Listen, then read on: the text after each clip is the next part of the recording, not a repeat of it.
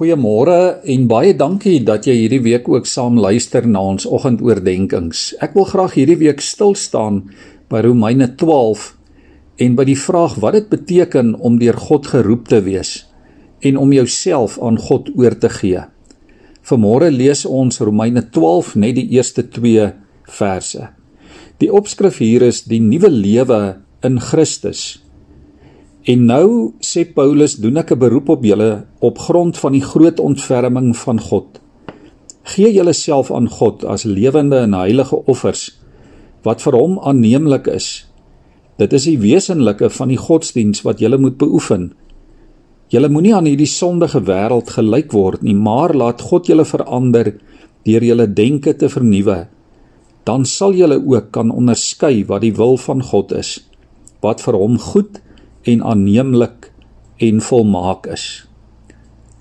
Paulus doen hier 'n beroep op gelowiges om hulle self aan God te gee. Dit geld natuurlik ook vir ons wat in Christus glo. Maar om jouself te gee gebeur nie sommer van self nie.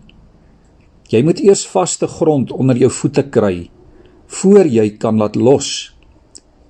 As ons op ons eie menslike natuur en ons menslike vermoëns vertrou, dan gaan ons maklik twyfel. Dan gaan ons tot niks in staat wees nie.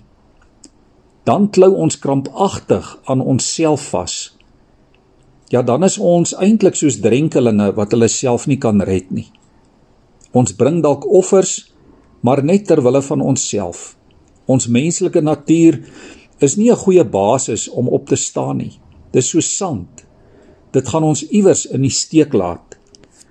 Paulus sê die enigste vaste grond om op te staan is geloof in Jesus Christus. Net as ons in Christus glo, kan ons onsself aan God gee. En ons moet onsself die heeltyd daaraan herinner. Liewe vriende, die vraag van môre is: Hoe gee ons onsself dan aan God? Paulus sê dit is 'n positiewe en 'n negatiewe aksie. Eers sê hy wat ons nie moet doen nie. Hy sê julle moenie aan hierdie sondige wêreld gelyk word nie. Moenie leef soos die mense wat God nie ken nie. Leef soos volgelinge van Christus. Leef anders en praat en doen anders as die wêreld. Moenie jouself dien nie. Wees versigtig vir die verbruikersmentaliteit van hierdie wêreld. Moenie meegesleer word deur byvoorbeeld die gedagte dat jou waarde bepaal word deur wat jy besit nie. Die slagspreuk van hierdie sondige wêreld is: dien jouself in plaas van God. Om jouself aan God te offer beteken om weerstand te bied teen so 'n selfgerigte lewe waar alles om die eie ek en die mens draai. Gelukkig het hierdie oproep van Paulus ook 'n positiewe kant, naamlik dat jy en ek vir God sal toelaat om ons dan te verander deur ons denke te vernuwe. En dit is meer as net 'n uiterlike verandering.